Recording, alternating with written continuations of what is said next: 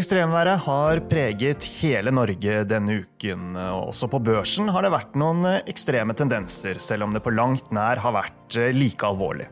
Og det skal vi snakke mer om i dagens episode. Du skal også få høre hvordan DNB Markets vurderer mulighetene i aksjemarkedet fremover, og hvilke aksjer som dominerer blant privatinvestorene.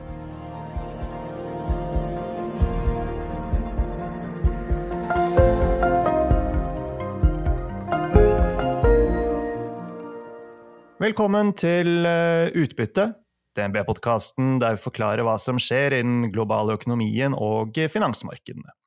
Jeg er eh, Marius Brun Haugen, og med meg har jeg aksjestrateg Paul Harper. Hei, hei, Paul. Hei, Marius. Det er eh, fredag 11. august, og klokken har passert eh, ti når vi spiller inn eh, dette her. Og som så mange andre har vi begge vært tilbake på jobb denne uken, men når vi spiller inn dette, så sitter vi på forskjellige lokasjoner. Det pleier vi jo ikke å gjøre, vi pleier å sitte sammen, men det betyr også at lyden kanskje ikke blir like bra som vi ønsker å ha den, men vi prøver å få det så bra som mulig, og så håper vi at dere lyttere bærer over med oss, selv om ikke alt kanskje er helt klokkerent uh, denne gangen. For det, er jo tross alt på tide, Pål, at vi kommer i gang med de faste oppdateringene våre. Det er det jo absolutt. Det er greit med ferie, men det er også greit å komme i gang igjen. Eh, spesielt når det er såpass mye interessant å, å diskutere, syns jeg. Ja. Og ekstremværet det har preget hele Norge denne uken. Hans sine herjinger de har vært ganske så brutale og forårsaket skader vi fortsatt ikke vet omfanget av. og vi føler selvfølgelig med alle som er rammet, men eh, når det er sagt, så fokuserer jo vi som vanlig på aksjemarkedet her i utbytte. Så første spørsmål det får nesten bli da, Pål, om det har skjedd noe ekstremt på børsen? Ja, altså, jeg tror du kan si at den eh, gassprisoppgangen vi fikk eh, i midten av uken var eh, ganske ekstrem. Gassprisen var oppe rundt 30% på onsdag. Um, forklaringen på dette her, par faktorer, men kanskje den viktigste enkeltfaktoren var snakk om en streik i Australia. da De produserer mye naturgass der. og Hvis de da ikke produserer pga. streik, så må en del asiatiske kjøpere da eventuelt kjøpe gass som ellers hadde vært tiltenkt Eh, Norge og komme til Europa. Også I tillegg til det så har det da noe vedlikeholdsstopp i, i, Nordsjøen. Så det kan bli en slags midlertidig skvis på eh, gasstilbudssiden her. Men jeg syns jeg kanskje ja, kom litt ned i etterkant igjen, så det virker kanskje litt, litt voldsomt den bevegelsen i forhold til de fundamentale faktorene. Nei da, men, eh, men, uansett, eh, det satte jo fart på en del av eh, energiaksjene på børsen. Jeg sendte ut en oppdatering på hva privatinvestorene kjøpte og solgte av aksjer i juli. Og som det har vært i hele år, så er det altså fortsatt energi som dominerer. Det ser vi også når jeg oppsummerer eh, aktiviteten hittil i år. Eh, det er i energiaksjene det flyter aller mest eh, penger. Det er fortsatt aksjer som Aker BP, Vår Energi, PGS.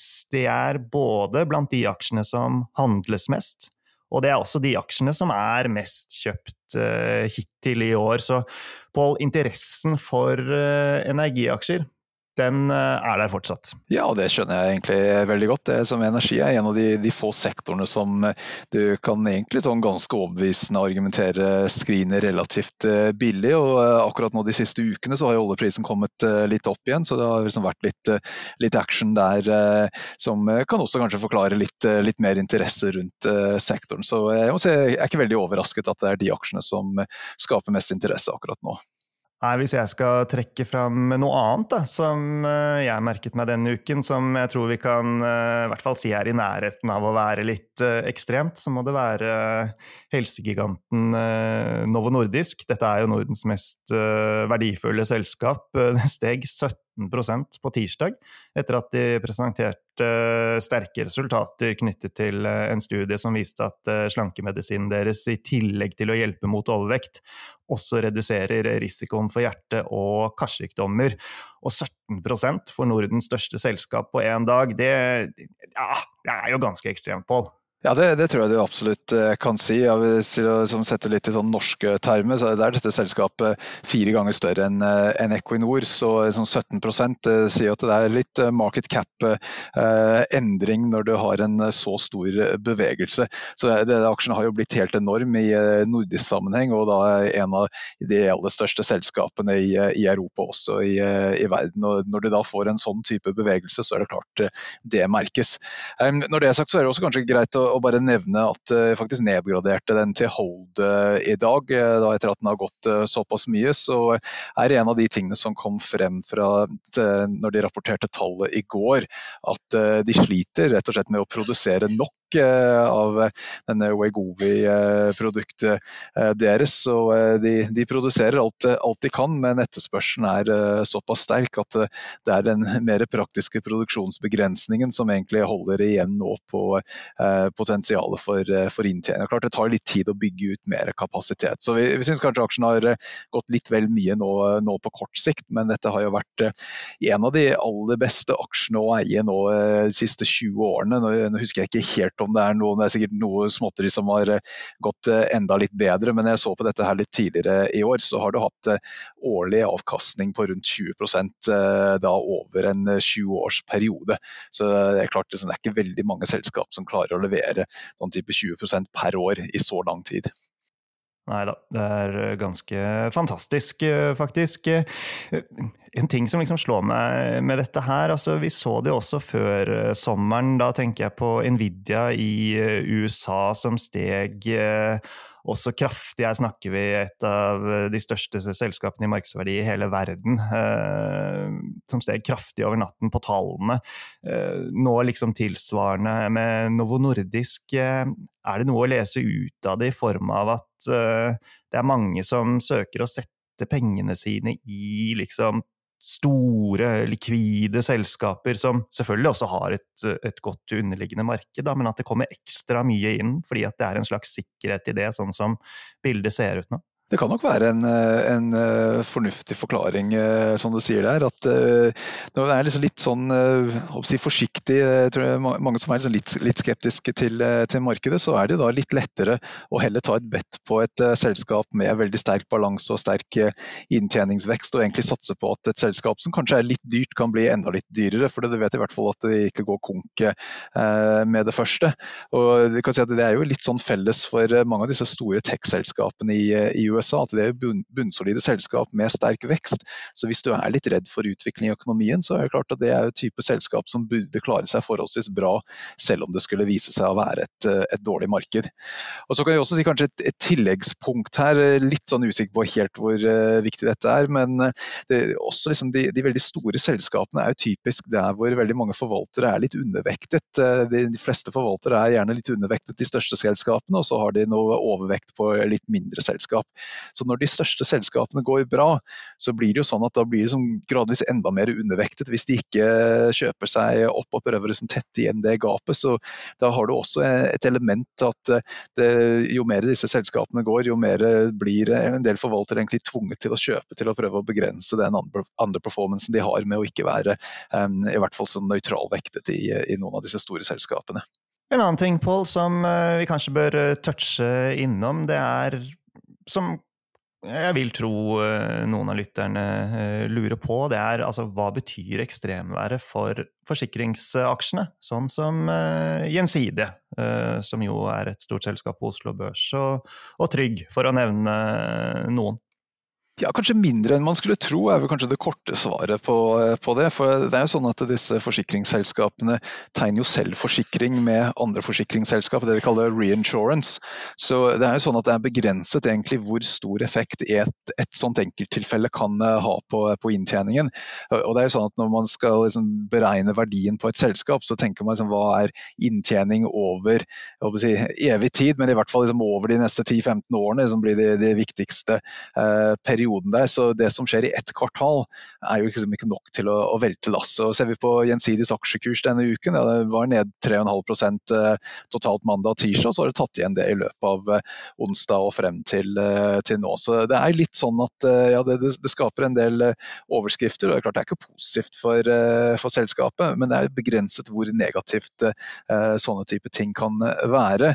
Og Man kan jo eventuelt argumentere for at altså, vi må være forberedt på at det blir mer ekstremvær fremover, men da er det jo ikke noe, noe mer komplisert enn at forsikringsselskapene da bare skrur opp prisene til å justere for dette her. For forsikring må vi ha uansett. Det er jo ikke sånn at du kutter ut forsikring om, om flom osv. er noe som skjer oftere.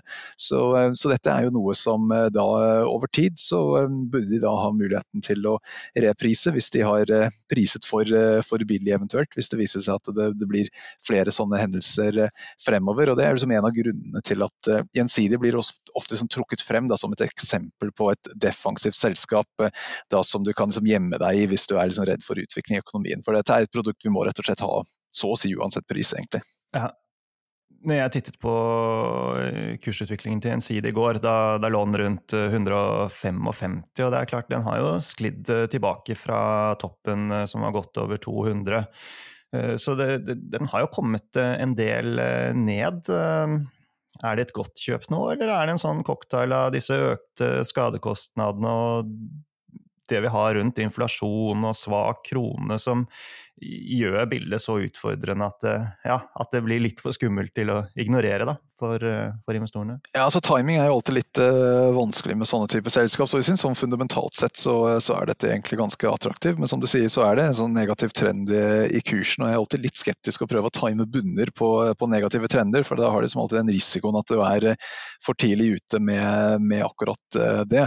Så no, Noe av det de, de, har slitt litt med, som du, du sier, er inflasjon. og Da er det litt sånn at hvis, de, hvis du tegner forsikring eh, for, eh, for, en bil, og så eh, øker verdien av den, eller øker prisen kan du si, av bilen med, med 10% eller 20% eller noe sånt, og, den, og du da krasjer den bilen, så, så må Gjensidige da ut med et beløp som kanskje er høyere enn det de egentlig trodde det ville koste til å erstatte den bilen. Så det, det er vanskeligere kan du si, å drive, drive forsikring en, med et bakteppe av, av, høy inflasjon, og da er det litt sånn at de må liksom drive og reprise sine produkter fortløpende myndighetene til å sørge for at de har nok eh, dekning for å erstatte forskjellige produkter da, som de eventuelt må, må kunne eh, gjøre da, når, når, prisene stiger kanskje mer enn antatt. Så De trenger liksom å få den eh, situasjonen litt, litt, mer i balanse, men hvis vi antar at inflasjon kommer gradvis eh, under kontroll, så, så tror jeg det også kan være en, en, trigger for at det blir litt mer stabilitet i, i aksjekursen, og så kan det begynne å trekke oppover igjen.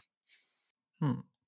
Ja, norske aksjer de er eh, i sum eh, forsiktig opp eh, denne uken. Så får vi se hvordan det ender når handledagen denne fredagen er over. Amerikanske aksjer er forsiktig ned på uken, uten at vi skal legge for mye vekt på det. Oljeprisen er i den høye enden av 80-tallet. Ja, den amerikanske tiårsrenten er uh, i overkant av uh, 4 uh, nærmer seg 4,1 når vi sitter her.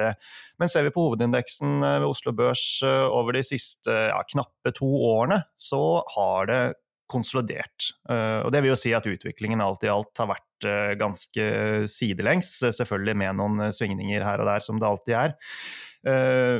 Men vi er jo på historisk høye nivåer, da. Det må vi også ta med.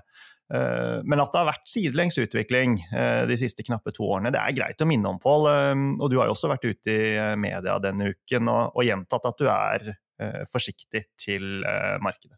Ja, så det er Greit å liksom presisere at uh, vi forventer ikke noe kollaps i, i, aksjemarkedet her. Når vi sier at vi er undervektet, så, så er det det at uh, man skal ha li, litt mindre eksponering i aksjer enn en vanlig. Og, som du sier, Når markedet har gått sidelengs de uh, siste par årene, så har man faktisk fått litt, litt bedre avkastning med, med, penger i banken, og så med da bedre, eller i hvert fall vesentlig mindre risiko i, i den posisjoneringen. Så Sånn sett så, så syns jeg det egentlig er noe seg. Og Er det noen grunn til å tro at det skal endre seg de neste tre til seks månedene? og akkurat de, de utfordringene vi har hatt nå den siste perioden, er at renter har sånn tendert oppover, og forventet inntjening har tendert nedover. Så liksom Begge de to tingene trekker egentlig en litt negativ retning for, for aksjer. og Hvis vi tror på en, en myk landing, som er egentlig det som vi har som, som base case, så er det liksom ikke helt åpenbart at rentene skal noe særlig ned herfra. Um, og på den samme utfordring når det gjelder uh, inntjening til selskapene, så um, er det ikke det at selskapene tjener dårlig med penger, men vi tror at analytikere er rett og slett litt for optimistiske når det gjelder hva de kan forvente fremover. Så, så det er liksom der hvor utfordringen er, at så lenge du har renter som trekker oppover og inntjening som trekker nedover, så er det ikke så veldig åpenbart at aksjemarkedet skal bryte ut av den trenden det har vært i. Ja. ja vi skal dra gjennom uh, dette her i litt uh, mer uh, detalj. Ehm, så jeg tenkte vi kunne starte med det helt ferske da, når det kommer til noen av disse viktige makrodataene som vi følger med på, nemlig tallene for prisveksten fra USA, som kom i går, torsdag ettermiddag. Og for andre måned på rad så var oppgangen i konsumprisene eh, lavere enn eh, ja, normalen. Eh, det var på 0,2% fra juni til eh, juli. Det var ganske i tråd med forventningene. En totalinflasjon på 3,2% år over år og kjerneinflasjon på 4,7% år over år viser jo at det går riktig vei for Fed, den amerikanske sentralbanken. Og så er det litt andre ting som er verdt å huske på. Da, at prisveksten for tjenester fortsatt er på altfor høye nivåer. Eh, Bl.a. som følge av husleier osv. Men, men i sum, da, Pål. Eh, ble du og ble markedet noe klokere av eh, disse tallene i går, som det jo var mange som ventet på? Ja, jeg syns det er vanskelig å egentlig eh, si at det er noe som endrer oppfatning i hvert fall av den store situasjonen. Så jeg tror de som eh, er eh, haukete, er fortsatt haukete, og de som er duete, er fortsatt duete etter dette her. Så om man skal begynne å se på andre desimalen, så var det marginalt bedre enn en ventet. Da. Konsensus var 0,2% endring måned over måned, og fasit var 0,16. Så ja, det var på, på linje med forventninger for første desimal, men andre andre desimal, da, så var det litt bedre. Men jeg tror liksom det som jeg synes er kanskje viktigste eh, når vi tenker på dette litt sånn større kontekst eh, her, er at eh, det er veldig mye sånne midlertidige faktorer nå, hvor du har baseeffekter som har svingt den ene veien og så den andre veien. og det er liksom litt vanskelig fremdeles å egentlig få en følelse av liksom, hva er egentlig den underliggende inflasjonseffekten eh, her. Og eh, Det som liksom er den viktigste enkeltfaktoren når du skal prøve å komme frem til et eh, svar på dette, er lønnsveksten. rett og slett. Har folk bra lønnsvekst, så har de også da muligheten til å, å by opp priser videre. Og Det er liksom det som egentlig er spørsmålet. Klarer du å få lønnsveksten ned nok? Med et bakteppe da av nesten kan vi si, rekordlav eh, arbeidsledighet og solid vekst i økonomien. Og selv om det blir veldig anekdotisk, så kan vi si nå de siste, siste ukene har vi sett da bl.a. UPS da kom til eh, enighet med fagforeninger. Der skal de ha 30% lønnsøkning spredt over fem år. United Auto Workers de sier de vil ha 46% lønnsøkning fra Ford og GM og de andre bilprodusentene. Jeg kan si langt fra sikkert at de, de, får dette her, men det er ikke noe sånn veldig tydelig moderasjon eh, helt enda. Da. Det kommer sånn gradvis ned, men det, er, jeg tror det er altfor tidlig å egentlig konkludere at den eh, kampen er, er, vunnet. Så man kan godt ha en situasjon nå hvor en del av disse baseeffektene gjør at inflasjonen fortsetter å komme ned nå i de neste månedene, og det kan godt hende det kommer under 2% Det er absolutt mulig. Men så kan vi ha en situasjon da etter det, at det da begynner å trekke litt oppover igjen. Og har det som lønnsvekst som er sånn å si 4 produktivitetsvekst som er eh, ja, 1, kanskje 1,5% da er det ikke så lett å komme til 2 eh, på eh, den inflasjonen. Så, så, jeg tror det er egentlig en eller annen gang, sent i år eller ut i neste år en gang, før vi får et litt tydeligere svar på dette her. Så alt i, i mellomtiden tror jeg er vanskelig å lese altfor mye i. Nei. Hussynet til uh, makroanalytikerne våre er jo at, som Kjersti Haugland, uh, sjeføkonomen i DNB, skrev i morgenrapporten i dag, er at uh, tror den amerikanske rentetoppen nå er nådd, men at det vil drøye godt inn i neste år før det kommer et eventuelt rentekutt. Hva sier din magefølelse? Er vi eh, nær toppen i styringsrentene? Ja, jeg, jeg, tror i hvert fall når vi ser på hva Fed Funds Futures priser inn, så er det sånn 10 sannsynlighet for en renteøkning eh, neste møte i, september. Eh, kumulativt eh, 22% sannsynlighet for en økning enten september eller november. Og så priser markedet inn første rentekutt enten mars eller mai eh, til neste år. Så eh, jeg, jeg, tror burde egentlig ikke være noe, noe, grunn for Fed å nødvendigvis sette renten opp eh, enda et eh, hakk her. Men eh, igjen så kommer det tilbake til dette her med hvis lønnsveksten da egentlig begynner å flate ut, og, og muligens ja, om det skulle begynne å, å øke igjen, så blir liksom hele det regnestykket noe, noe helt annet. Så sannsynligheten for at de begynner å kutte til neste år, vil jeg si er noe mindre sikker på. I hvert fall hvis eh, det er en, en myk landing det er snakk om. Og, og En viktig faktor her også når du ser på uh, tiårsrenten eh, i USA, altså den type benchmark som alt annet er en eller annen måte liksom priset relativt til, så priser det allerede inn en serie med kutt fra Fed.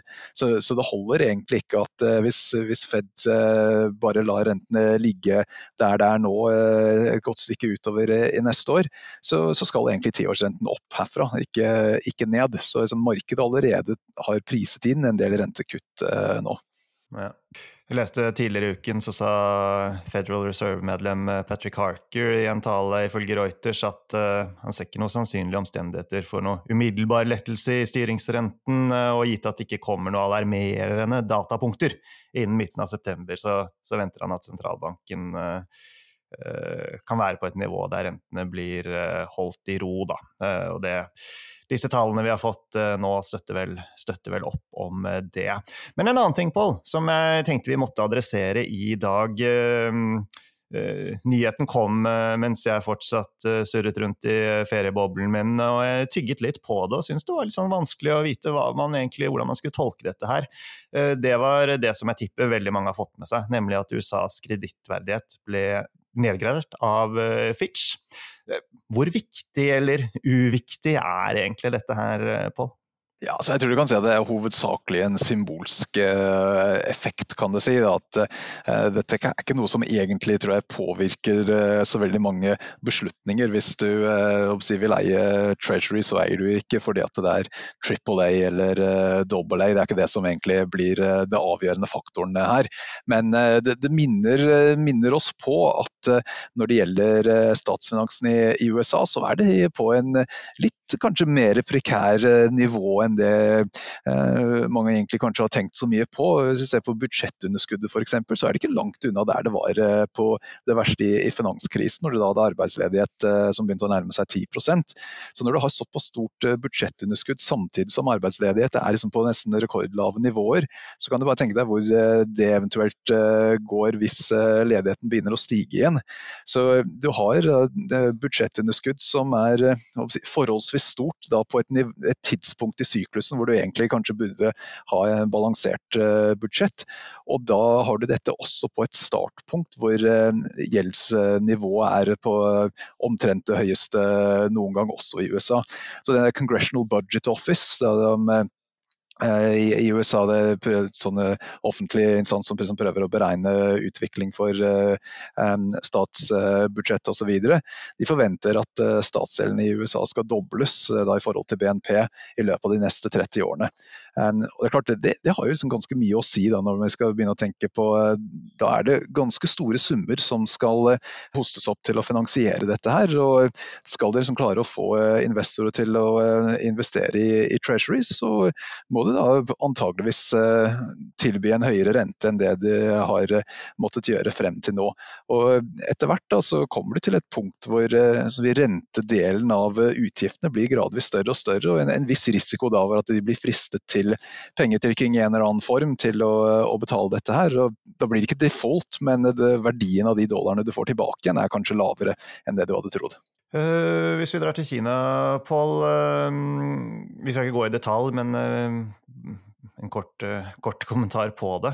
Vi fikk jo denne uken tall for både eksport og importen som stupte. Så det virker jo som det pågår en sånn ganske bredt basert nedkjøling av kinesisk økonomi, eller hva? Hvordan forholder man seg til det som aksjeinvestor? Ja, Det har jo vært en eh, skuffende utvikling i år. Det var sånn høye forventninger til denne gjenåpningen, som eh, da viste seg å ikke være så eh, merkbart sett fra Vesten sin side. og Det er kanskje grunn til å være litt forsiktig med råvarer generelt som følge av dette. her. Kina er stort sett den største kjøperen av de, de, fleste råvarer i verden. så Det er noe som, det er ikke nødvendigvis sånn at man skal holde seg helt unna, men man skal være litt, litt ekstra nøye med å, å gjøre si, hjemmeleksene før man eventuelt tar noe, noe veddemål på eh, akkurat det. Men det forteller oss også at det er vanskelig nå for Kina å egentlig klare å eh, håndtere de utfordringene de har. Det er mye strukturelle faktorer her som gjør at det er ikke noe sånn enkel eh, løsning. Tidligere så har de sånn stimulert seg ut av disse problemene, men det er si, såpass mye gjeld i systemet nå at de er nok ganske forsiktig med å, å, prøve å oppfordre til å eh, øke den uh, gjeldsboblen enda, enda, mer enn de har gjort uh, allerede. Så det, er, det, er, alltid vanskelig å spå helt hva som kommer til å skje der, men for øyeblikk så virker det som at de, de tør rett og slett ikke å, å prøve å være altfor fremoverlent. Og dette blir en, en viss brems på vekstpotensialet i, i verdensøkonomien. Jeg leste også at USAs president Joe Biden annonserte det var også denne uken, at de eh, innfører begrensninger på eh, amerikanske selskapers eh, mulighet til å investere i enkelte typer kinesisk teknologi. Så uten at jeg vet hva dette betyr og konsekvenser det får i klartekst, er det i hvert fall veldig lett å tenke at denne hva skal vi si, stormaktsrivaliseringen, handelskonflikten, det, det, er i hvert fall ikke over med det første. Men, men nok om det. Det får vi adressere en eh, annen gang. Men i sum, altså. Vi venter en myk landing for eh, vestlige økonomier, amerikansk økonomi. Tror at det er liksom sannsynlig, som du har vært inne på. Folk har jobb osv. Men likevel, Pål, så sier du at eh, dette er ikke nok for aksjemarkedet. Så spørsmålet er hvorfor. Og da kommer vi til selskapene og deres forventede inntjening, gjør vi ikke det? Ja, så kan jeg si aller først da, Når det gjelder det med, med myk landing, vi var litt inne på det tidligere også, at uh, hvis det går relativt greit uh, i økonomien, så er det egentlig ikke noe, noe, særlig rom for Fed å kutte rentene mye herfra. Og uh, Når markedet allerede priser inn en serie med, med, rentekutt, så er det ikke da åpenbart at rentene skal noe særlig ned. Så Det er jo noe som setter liksom, en viss begrensning på multiple ekspansjon eventuelt. og Til en viss grad så har jo multiplene egentlig holdt seg overraskende bra, da, til tross for at renten har eh, beveget seg oppover eh, nå siste, siste året. Men når vi ser på, på inntjening, så er sånn, kanskje den største utfordringen her er eh, når det gjelder hva man kan anta er en slags normal margin for selskapene, som lønnsomhets som selskapene kan oppnå. For vi er fortsatt på et nivå som er en del høyere enn det det var før covid. Noe av dette her er kanskje strukturelt, men jeg tror det er litt optimistisk å tro at alt er strukturelt. Noe av det tror jeg har med inflasjon å gjøre. At eh, du får gjerne en del kostnader kommer eh, på, etterskudd. Da spesielt lønnsvekst er jo noe som eh, bare blir reforhandlet stort sett en gang i året. Så effekten av den prisoppgangen vi har sett, tar da litt lengre tid før det jobber seg inn i, kostnadsbasen. Så da tror jeg man egentlig må være forberedt på at disse marginene skal i hvert fall noe mer ned fremover, mens analytikerne egentlig har lagt til grunn at marginene kommer bitte litt ned nå, men at du da skal få en ny runde med marginøkninger igjen når vi begynner å nærme oss slutten av eh, året og inn i, inn i neste år. og Det tror jeg rett og slett bare er litt for, um, for optimistisk. Så Selv om du tror på en myk landing, da, at det får sånn grei uh, omsetningsvekst, så blir det ikke nødvendigvis så stor inntjeningsvekst av det hvis du da må etter hvert absorbere høyere kostnader.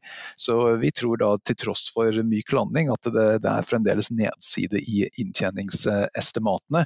Og da når du ikke får noe særlig hjelp fra rentene heller, så, så er det ikke like lett å egentlig regne seg frem til en positiv eh, konklusjon.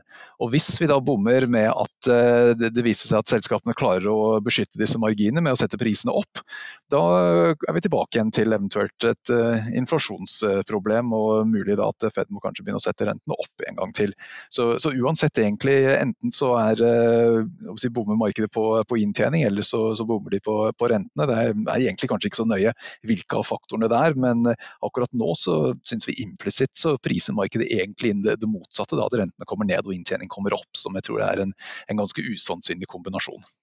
Mm. I forhold til høyere kostnader, da, så at sjømatanalytikerne våre de sendte ut en oppdatering denne uken. De, eh, de tar ned inntjeningsestimatene pga. høyere forventede fòrkostnader, eh, bl.a. Eh, opprettholder riktignok det positive sektorsynet, men, men også sjømat er jo et eksempel da, på en sektor som kanskje fremstår litt mer tricky enn en før. Ja, så det er, I hvert fall på kort sikt. Ja, så det er akkurat som du sier, at eh, når, når kostnadene kommer eh, opp, så selv om lakseprisene har si, vært relativt sett ganske, ganske, sterke, så, så er jo den utfordringen at kostnadene er jo også en viktig del av, av regnestykket. Så jeg syns sektoren egentlig ser forholdsvis billig ut, men man skal alltid være litt forsiktig med lave multipler hvis du har fallende estimater.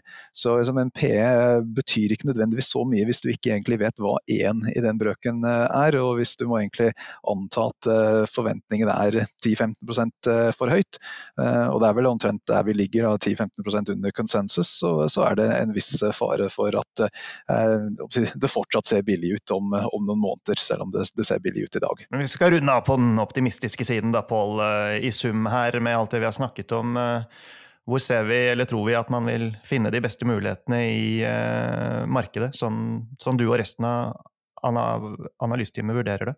Ja, så da, er vi egentlig tilbake til eh, energien, som vi, vi snakket om litt, eh, litt, tidligere også her. med at eh, Nå som oljeprisen har kommet opp, så, så tror jeg egentlig nå er sånn konsensestimatet sånn noenlunde i vater med oljeprisen. Vi har egentlig nå hatt en ja, siden i fjor høst en gang så har analytikerne hele tiden måttet kutte inntjeningsestimatene til energiselskapene, for oljeprisen har vært fallende, og da har de hele tiden vært litt på etterskudd med det.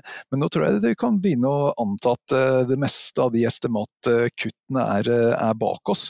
Og da har vi liksom en situasjon hvor ja, lave multipler, men mer stabil inntjening, så kan man begynne å gjøre en litt mer sånn plausible case med at dette faktisk er en billig sektor nå. Vi har liksom Equinor på rundt sånn åtte ganger P f.eks. Um, det er ikke liksom så, så, vanskelig å påstå at det er forholdsvis billig, hvis du har tillit til uh, inntje, de inntjeningsestimatene som, som, er der. Så, så, det er der jeg syns kanskje at du har en noenlunde interessant prising med litt mer tillit til inntjeningsestimatene. Um, olje er ikke like preget av Kina som en del andre råvarer. Og så har det også litt sånn beskyttelse kan du si, med at Saudi har jo vist seg til å være ganske fremoverlent når det gjelder det med produksjonskutt til å støtte oljeprisen. Det er ikke sånn at det er så lett å se at oljeprisen skal liksom opp i 100 eh, dollar pluss igjen. for det er klart Når Saudi har kuttet en del produksjon, så har de da en, en del ledig kapasitet, så de kan eh, da øke produksjonen igjen etter hvert som eh, oljeprisen kommer opp. Men, men jeg syns i hvert fall attraktiv prising med litt mer tillit og stabilitet i, i inntjeningsestimatene gjør at energi er kanskje den sektoren jeg syns ser mest interessant ut eh, akkurat nå. Ja. Bra det, Pål. Eh, da setter vi strek for eh, i dag. Det er mye mer vi kunne snakket om, men vi får, vi får spare det til, så vi har, har, litt igjen til ukene fremover. Det er godt å være i gang igjen. Tusen takk, Pål, for at du tok deg tid. Og sist, men ikke minst, tusen takk, folkens, til alle dere som hørte på.